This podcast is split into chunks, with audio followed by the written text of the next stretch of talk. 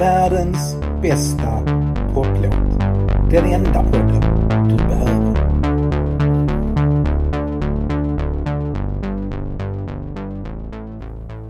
Välkommen till världens bästa poplåts sommarsäsong 2022. Sommar med Nisse.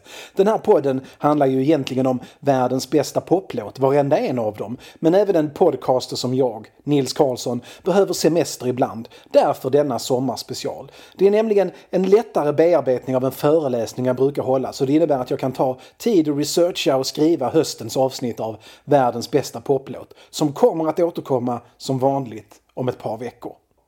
Eftersom det inte ser ut som att jag kommer få vara värd för Tage Danielssons uppfinning Sommar i P1 på den här sidan döden så tar jag helt enkelt saken i mina egna händer och gör mitt eget sommarprat. För varför inte liksom?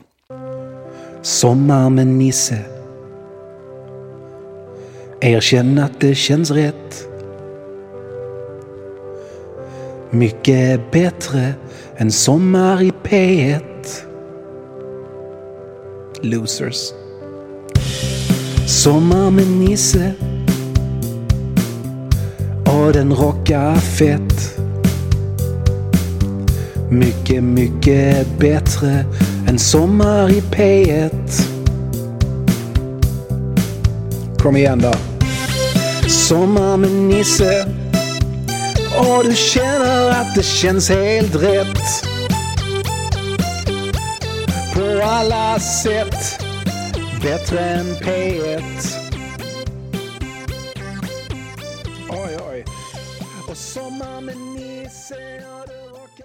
Jag har lyssnat på Sommar och jag kan liksom se receptet. Det ska vara motgångar, tragiska uppväxter, människor som reser sig på nio och i triumf lyckas trotsa att de haft en helvetisk barndom eller mördarcancer eller trillat ner för ett berg eller vad det nu kan vara. Sen ska det vara lite musik också som i bästa fall inte alldeles uppenbart har valts i dialog eller rent av på direkt order av radiokanalen.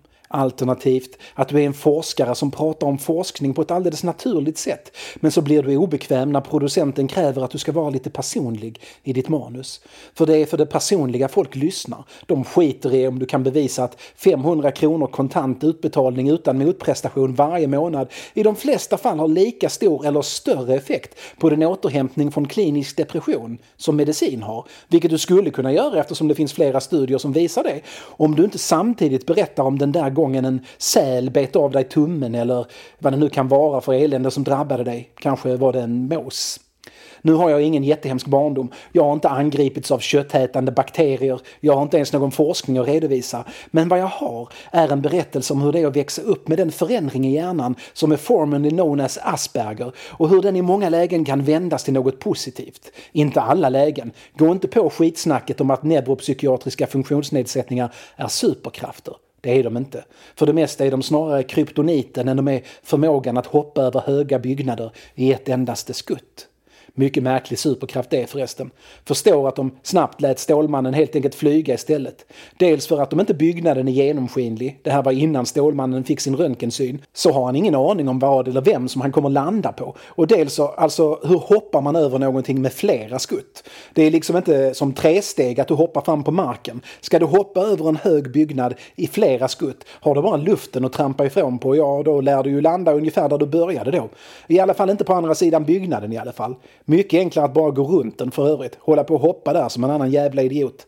Hur som helst, det här är Sommar med Nisse. Jag är min egen producent så musiken är bara mitt val. Och den är central i en personlig berättelse. För jag har haft musiken med mig hela mitt liv. Och den har alltid funnits där som en röd tråd, som en vän, som en tröst, som ett utlopp. Så, då kör vi igång. Att leva med Asperger och ha roligt medan man gör det och musiken som gjort det möjligt. Som alltid när jag pratar om det här inleder jag med Karl Pedals klassiska fråga till publiken på Skansen i direktsänd radio. Är ni beredda ungdomar? Nu har jag jobbat på SJ.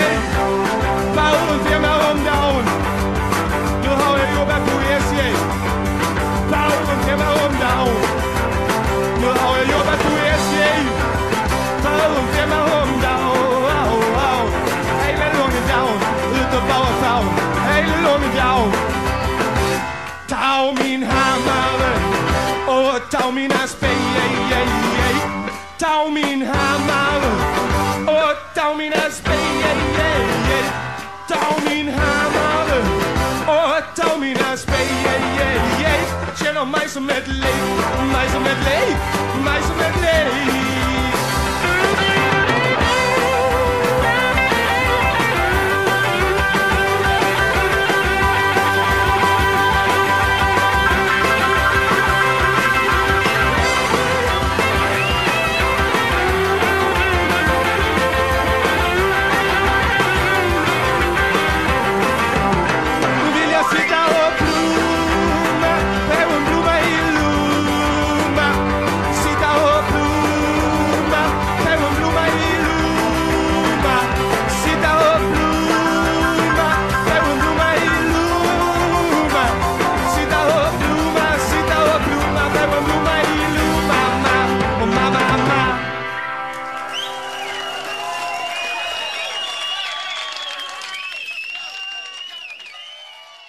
Jag växte upp på Limhamn i Malmö och jag var redan som ettåring livrädd för björnar. Det finns inga björnar på Limhamn, men hur fan ska en ettåring veta det? Och vem vet vad de där lurviga jävlarna planerar egentligen? Mors lilla Olle kan mycket väl vara en påverkansoperation beställd av björnarna för att få oss att lita på dem. Sen en dag så anfaller de från där de ligger och lurar kring hörnet. Mina tre tidigaste minnen är hur vi blev av med min röda Dinky Toys Volkswagen-bil när vi flyttade från Lindeborg till Limhamn 1975. Jag var väl ett och ett halvt då. Ett tidigare minne av hur jag och min mamma, hon bär mig, springer för att hinna med glassbilen. På den tiden hade GB sina egna. På gångbanan mellan husen på Lindeborg och nästan, men inte helt och hållet hinner fram. Och så minns jag rädslan för de svarta björnarna som jag inbillade mig se var helst det fanns en skugga för björnjävlarna att gömma sig i.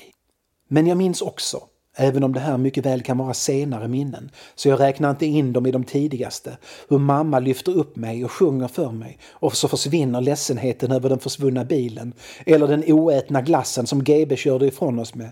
Så försvinner den förlamande dödsångesten man känner när man vet att en svart björn när som helst kan hoppa fram och hånskrattande slita en i stycken och äta upp en. Min kärlek till musiken har jag från mamma. Hon älskar också musik, har alltid gjort.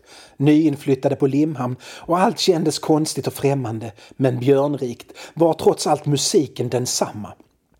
Pappa var och är fullständigt omusikalisk. Skivorna hemma var mestadels mammas, utom de där tre popsinglarna från Nordkorea min pappa hade, som alla var olika versioner av Internationalen, sjungna på koreanska.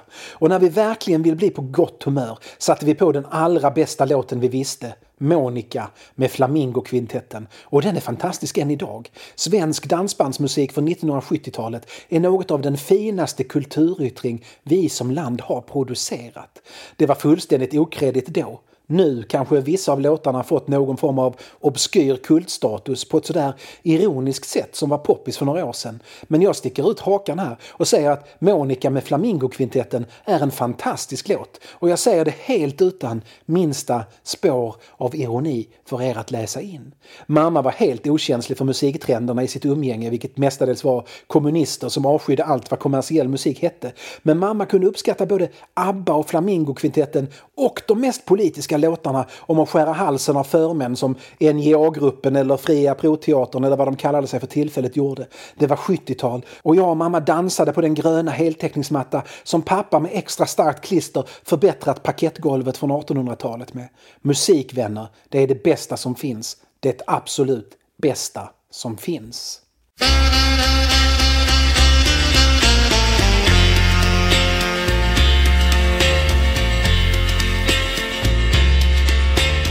Fråga mig varför jag lämnat dig. Trots att jag sa du är mitt allt. Kärleken följer i sina spår. Och på den har jag på känn ingen år Jag fann en man som mina känslor vann. Det var som i en underbar dröm. Hon mig gav en känsla som stannar kvar. Du måste förstå, det är bara så. Trots allt det som var. Jag trodde jag hos dig funnit lyckans glans.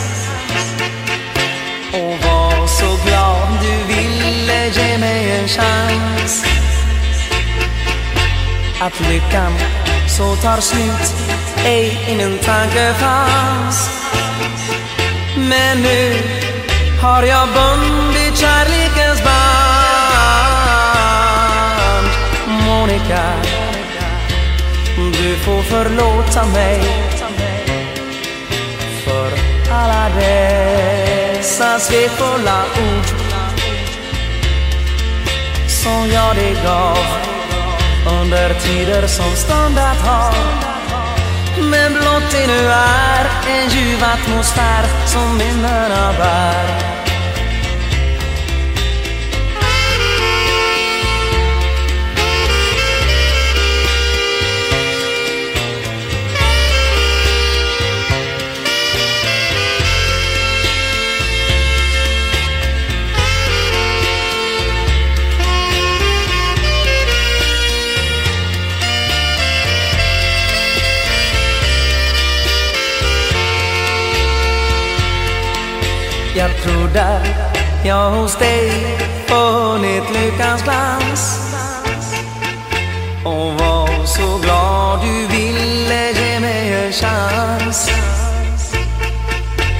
Flickan lyckan så tar slut ej min tanke fanns.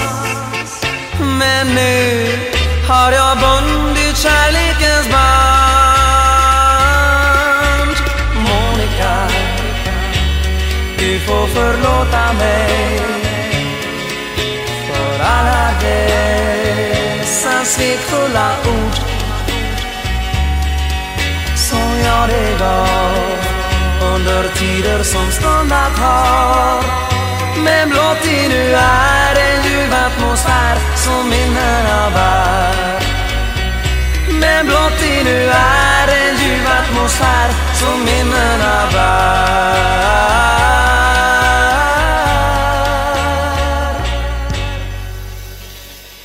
Till dansbandsmusik dansade vi hela vägen till Limhamn och det lilla gula huset. Limhamn 1975. Jag vet inte om ni känner till Limhamn, men om vi säger att Malmö är Sverige Chicago så är Limhamn Malmös Peter Cetera. Ursprungligen ett fiskeläge som kom att domineras av ett kalkbrott och en cementfabrik från slutet av 1800-talet och fram till 1980-talet. Det är havsnära och många träd och redan på 60-talet inleddes omvandlingen från en blandad stadsdel med mestadels arbetare till en stadsdel med, ska vi säga, mer eh, moderat befolkning. De rika ville bo nära stranden och Malmö växte och arbetarna flyttade närmre sina arbeten medan medelklassen och uppåt flyttade ut från centrum. Men när jag var fyra och fem kunde man fortfarande se cykelkaravanen av arbetare som tog sig längs Limhamnsvägen mot hamnen och arbetet på Kockums. Varvet. Varvet som dominerade staden, som under 50-talet var så pass tajta med socialdemokratin att de ibland hade adjungerande på kommunstyrelsemötena. Morfar jobbade på varvet. Pappa jobbade på varvet. Mamma jobbade också på varvet. Eller nästan.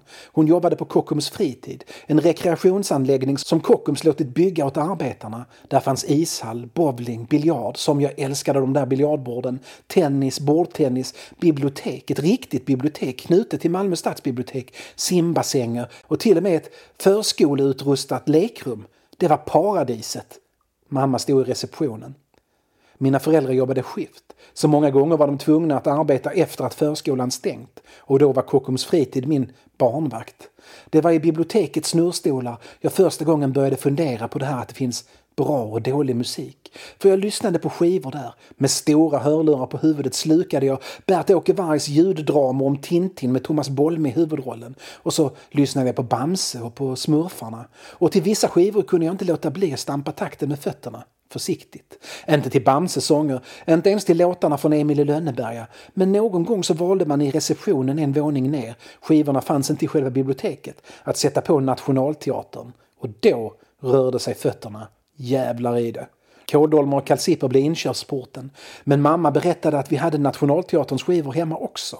Hon var av den bestämda åsikten att det fanns fyra grupper i Sverige som kunde göra musik som höll internationell klass. Flamingokvintetten, Streeplers, ABBA och Nationalteatern.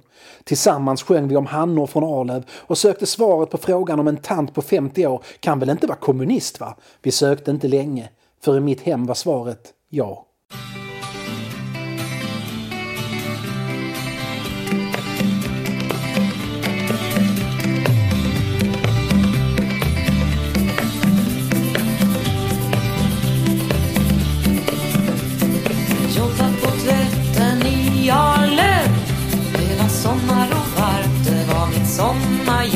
Jag skulle fixa lite egna pengar.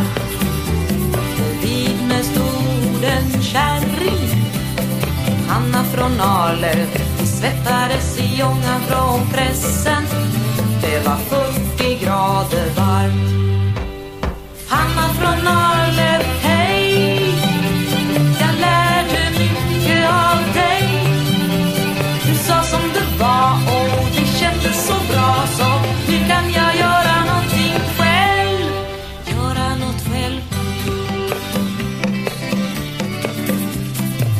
Jobbat tillsammans i tvätten.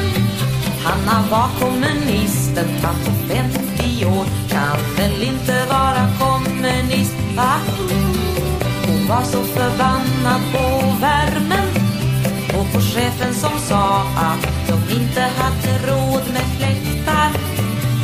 Kyss mig där bak, sa Hanna.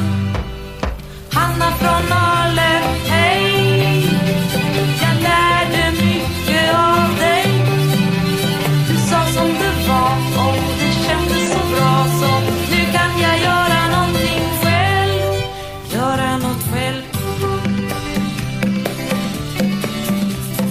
Johanna Hanna höll tal på en mangel. Nu strejkar vi vilt, det är väl inga djur. Ska vi fan i mig ha våra fläktar. Hon talar med mig om vårt jobb.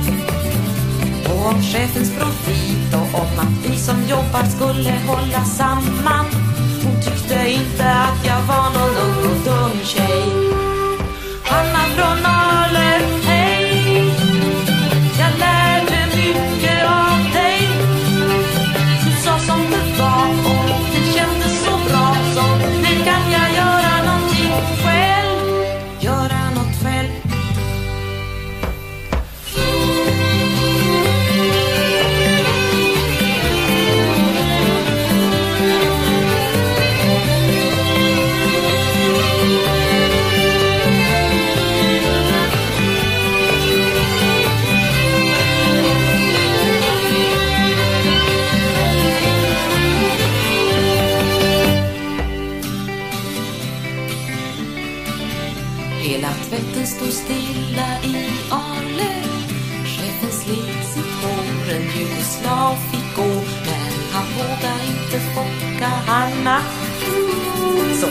fick och till slut en fläkt.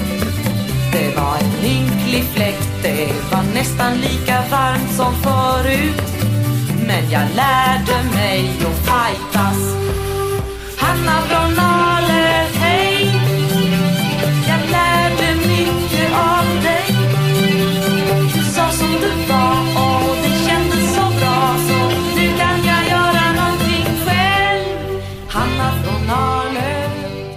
Att bli uppfostrad av kommunistiska föräldrar är något jag varmt rekommenderar. För det går inte en dag utan att jag gläds åt det. Att tidigt få det förklarat att jag nu åker pappa till jobbet för att tjäna pengar åt familjen Kockum och som tack får han tillbaka lite mindre än hälften av det värde han skapar, ger perspektiv.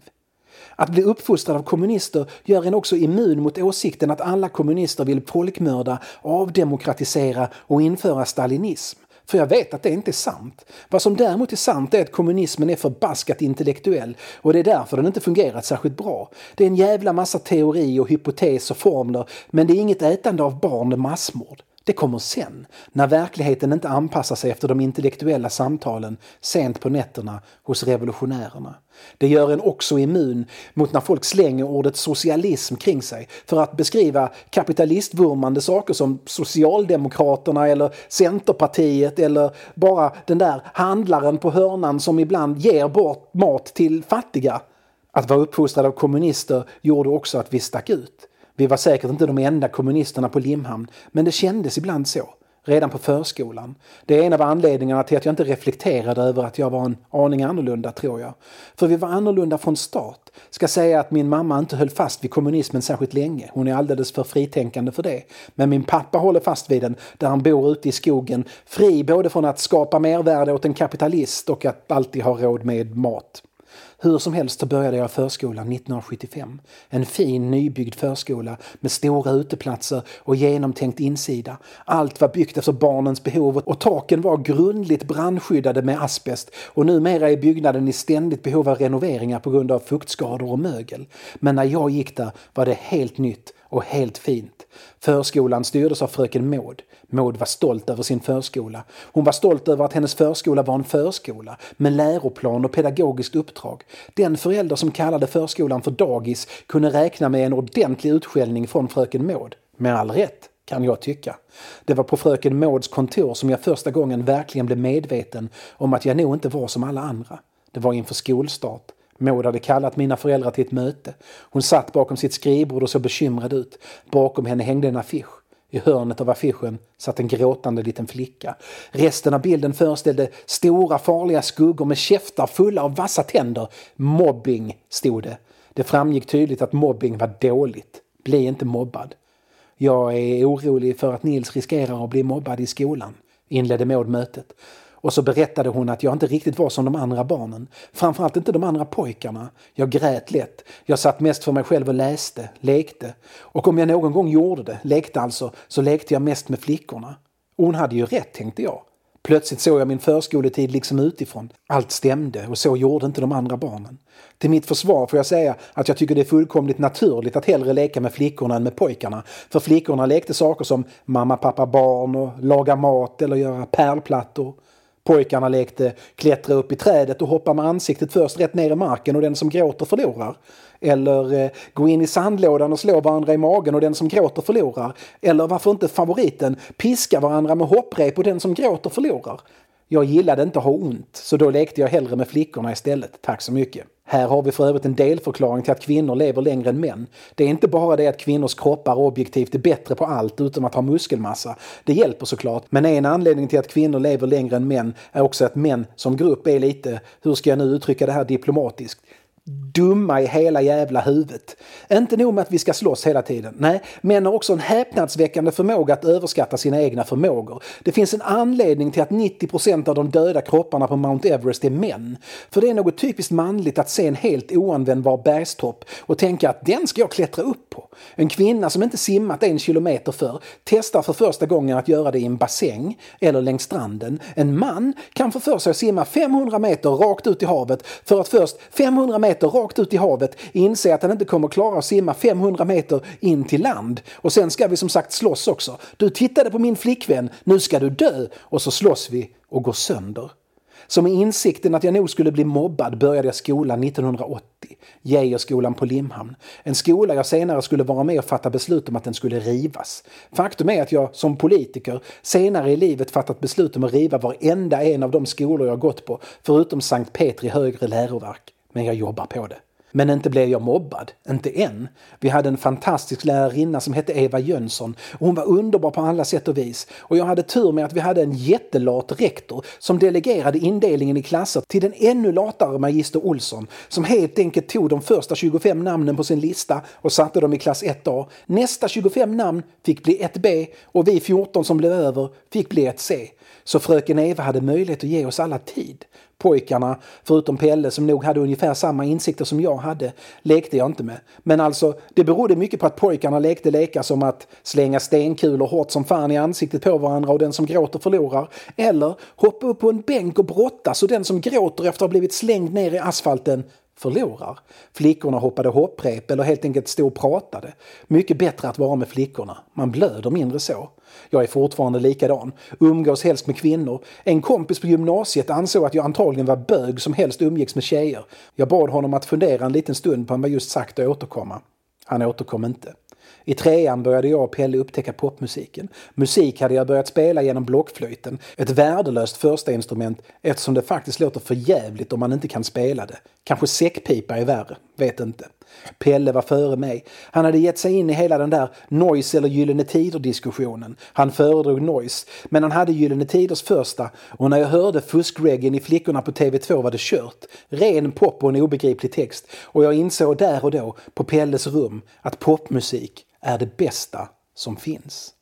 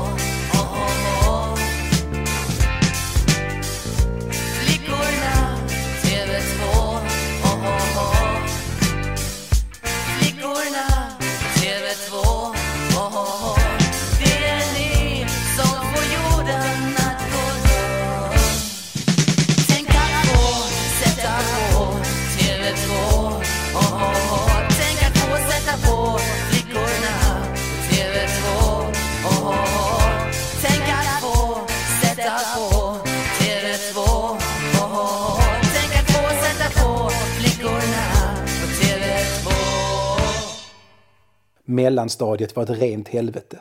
Jag stöter ofta på det när jag pratat med folk med autism eller Asperger. De verkliga problemen börjar på mellanstadiet. Och det är inte så konstigt eftersom det är på mellanstadiet man börjar söka efter sin identitet och det sociala samspelet mellan människor utforskas, mellan vuxna och barn och barn emellan. Och roller ska testas och etableras. Om man som jag och andra med min förändring i hjärnan eller liknande har, eller hade, svårt att läsa mellan raderna, att följa outtalade regler eller att läsa kroppsspråk, så börjar saker bli besvärliga. När det är som viktigast att inte sticka ut, att inte vara annorlunda, så är det också tydligast att man gör det och är det. Jag fungerade inte alls. Min klass hade slagits ihop med en annan. Vi var 30 barn nu, alla osäkra och alla 10 och 11 år gamla och alla förvirrade. Det hjälpte inte att vi hade en lärarinna som hade varit bättre lämpad för exakt alla andra yrken i hela världen. Hon avskydde mig. Det måste ha varit närmast instinktivt, för det var tydligt från dag ett. Hon avskydde mig. Hon avskydde Mikael och hon avskydde Victoria. Mig och Mikael för att hon ansåg att vi var dumma i huvudet. Hon var helt öppet med det. Sa i klassen att det inte är lönt att du räcker upp handen Nils, för du kommer ändå ha fel. Men något mer oklart varför hon avskydde Victoria. Kanske för att Victoria sa ifrån, eller för att hon stack ut för hon var adopterad och inte lika blek i huden som vi andra. När ens lärarinna tydligt pekar ut vilka som är sämre än andra i klassen så hakar såklart de andra barnen på. Hackordningen, för en sån måste vi såklart hållas med, var liksom satt. Lärarinnan, låt oss kalla henne Ingbritt eftersom det var det hon hette, här ändras inga namn för att skydda de skyldiga, bestämde. Hon var kaptenen. Förutom att hon uppmuntrade till mobbing så utmärkte hon sig genom att vara hela tiden inkonsekvent med ungefär allting. Att sätta en liten svensk flagga på skrivbordet måndagen efter att Palme mördas och sa att nu är Sverige äntligen fritt och att skicka mig till skolpsykologen efter att ha krävt att den som röstade på VPK i skolvalet 1985 erkände. Men hon godkände inte Lill-Eriks erkännande utan bestämde sig för att det nog var Nils som var den skyldige och som skulle till psykologen. Hon hade inte fel kan jag erkänna nu så här 35 år efter. Skolpsykologen fick jag gå till ofta. Ingbritt hade som sagt kommit fram till att jag var dum i huvudet. Hon trodde att det skulle vara bäst för alla om jag fick gå i särskola. Men det kunde hon inte besluta om själv utan det låg hos skolpsykolog och rektor och antagligen någon instans till. Så ett par gånger per termin fick jag gå till psykologen för att undersöka om jag var tillräckligt dum i huvudet den här gången. Det här var i mitten på 80-talet och på den tiden fanns det en skolpsykolog på varenda skola i Malmö annat läge nu. Men då ansågs det vara viktigt. Vår skolpsykolog var jättesnäll och hon delade inte alls Ingbrids uppfattning om att jag var dum i huvudet. Jag kan såklart undra om hon pratade med någon annan om att Ingrid skickade mig och Mikael till henne hela tiden. Om hon lyfte vad som måste framstått som ett stort problem med Ingrid med rektorn. Under mina tre år i mellanstadiet var skolpsykologen den enda vuxna i min närhet som sa till mig att jag inte var dum i huvudet. Ju längre tiden gick, desto mer jobbigt blev det att gå till skolan. Jag var rädd. Inte för björnar längre, men för mina klasskamrater och för min lärarinna. För hon missade inte en chans att förnedra de elever som misshagade henne. Inte bara jag, Mikael och Victoria, även om hon oftast återkom till oss. Men alla som inte var en del av hennes fem, sex favoriter kunde utsättas. Mina föräldrar hade delat på sig och min pappa var inte den som direkt upptäckte problem med någonting någonsin. Så jag bet ihop, gick till skolan, tog stryk accepterade att bli sparkad i magen så att klasskamraterna kunde skratta åt hur fettet dallrade. För jag visste ju inget annat. Samtidigt som detta hände i fyran hände något helt fantastiskt. Jag och Pelle upptäckte Kiss. Han hade sett dem på TV och vi hade båda sett skivomslaget i skyltfönstret på Klöver S på Limhamn. Det var något med Kiss skivomslag och Iron Maidens skivomslag som lockade. Farligt, men ändå bara skivor. Av någon outgrundlig anledning tjatade Pelle till sig av sina föräldrar att köpa den Kiss-skiva som hade det coolaste omslaget av dem alla, Best of Solo Albums. Det är såklart en helt vansinnig första Kiss-skiva att köpa eftersom det inte är en Kiss-skiva egentligen utan en samling med tre låtar från varje medlem i Kiss från deras beryktade soloskivor från 1978. Jag var helt fast redan efter första låten. Minns att vi lyssnade på Ace Frehleys Rip It Out gång på gång på gång. Till denna dag hävdar jag att Ace soloskiva från 1978 är den bästa skiva som burit Kiss logotyp. Vi tjatade och pantade och samlade och sparade och vi köpte var sin skiva till. Det var avgjort. Vi var officiellt hårdrockare. Han köpte deras då nysläppta Lick It Up och jag köpte deras första LP. Jag tror att jag gjorde det bättre köpet faktiskt. Sen gjorde vi kopior på kassettband åt varandra. För min del betydde musiken en väg ut och bort och stunder när jag kunde släppa allt. Glömma Ingbritt och drömma om att vara Ace och fundera över hur kallt gin egentligen smakar.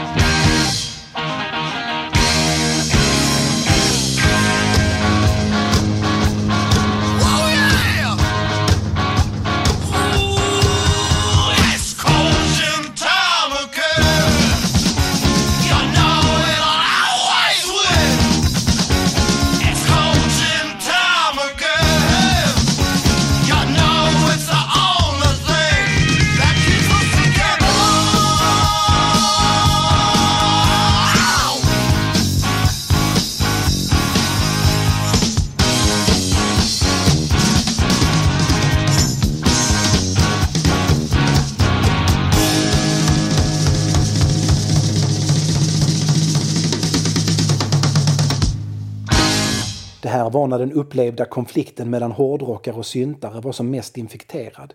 I den mån de andra i klassen överhuvudtaget lyssnade på musik så var de alla deklarerade syntare. Att jag, Pelle och Filip var hårdrockare gjorde inte det sociala mycket enklare.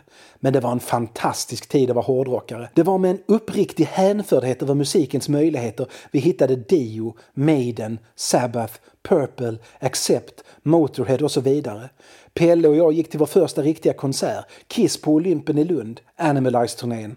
Något halvår efteråt såg vi Gary Moore. Vi startade band, jag på gitarr och Pelle på trummor. De stunder vi fyllde med musik eller Star Wars var lyckliga stunder. Fullständigt lyckliga stunder. Mot slutet av sexan hade jag börjat drabbas av raseriutbrott i klassen. Det gick inte att acceptera mer från Ingbritt. Jag slog i bänklock och sprang ut och smällde i dörrar. För Mikael var det värre. Han reagerade starkare och gav skolan till slut en anledning att skicka honom till den där särskolan. Det gick bra för honom sen, som vuxen. Men min avsky mot Ingrid växte. Och min rädsla. När vi skulle sluta sexan skulle vi såklart ge en blomma till fröken som tack för allt. Några i klassen ville samla in pengar till en extra present. Av någon jävla anledning säger jag att jag gärna är med.